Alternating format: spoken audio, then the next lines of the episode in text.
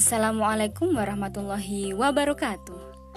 Berjumpa dengan Kak Ayu di podcast Asoha. Halo adik-adik, bagaimana kabarmu hari ini? Semoga selalu sehat ya. Kakak berharap kalian tetap semangat belajar dan selalu haus akan ilmu pengetahuan.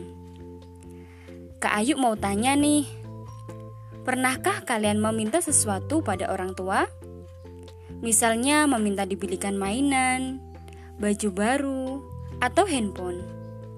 Kira-kira apakah orang tua langsung memberikannya? Mungkin ada ya sebagian orang tua yang ingin anaknya melakukan sesuatu terlebih dahulu untuk mendapatkan apa yang diinginkan.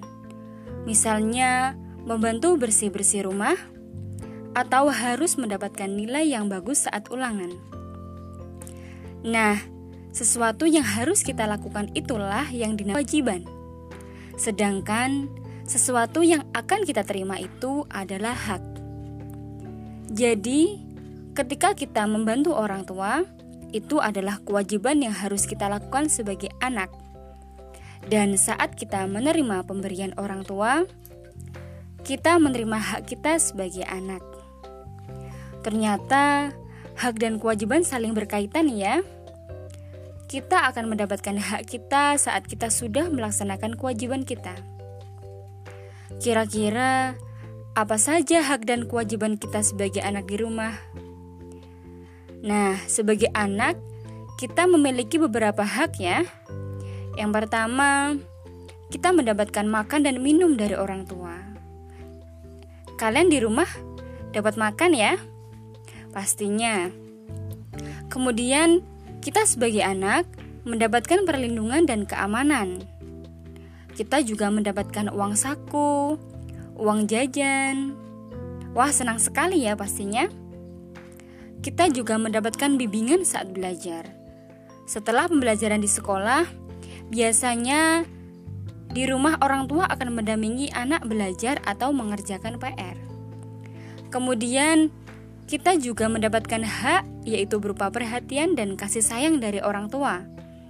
Pastinya, orang tua sangat menyayangi dan perhatian pada anaknya.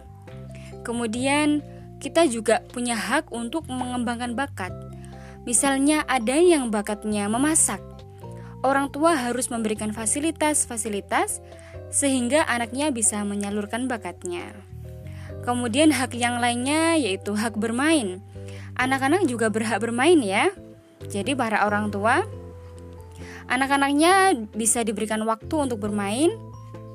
Yang penting tidak melanggar aturan. Nah, tetapi sebelum mendapatkan hak ada kewajiban di rumah yang harus kita lakukan loh. Kira-kira adik-adik ada yang tahu kewajiban apa yang kita lakukan di rumah? Yang pertama, kita bisa menjaga kebersihan rumah. Wajib ya sifatnya. Misalnya setelah bermain, kalian wajib membersihkan dan merapikannya. Kalian juga wajib merapikan tempat tidur kalian sendiri, harus mandiri ya. Kemudian kalian harus patuh terhadap nasihat orang tua.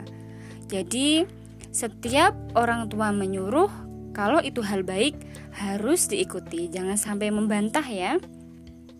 Kemudian kalian harus saling menghormati, menghargai, dan menyayangi semua anggota keluarga. Jadi, sama adik, sama kakak, sama orang tua harus saling menghormati dan menyayangi.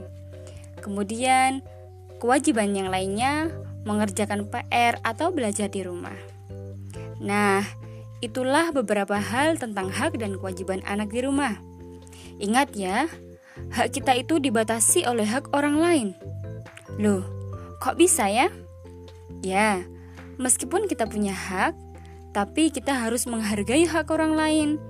Misalnya nih, kita sebagai anak saat bermain, ketika ada anggota keluarga lainnya yang beristirahat, kita tidak boleh berisik karena kita harus menghargai uh, anggota keluarga kita yang sedang beristirahat. Begitu ya? Bagaimana? Apakah kalian sudah memahami tentang hak dan kewajiban anak di rumah? Semoga setelah mendengarkan podcast Asoha kali ini, kalian bisa langsung menerapkannya di rumah ya. Sekian apa yang dapat Kak Ayu sampaikan. Semoga bermanfaat. Assalamualaikum warahmatullahi wabarakatuh.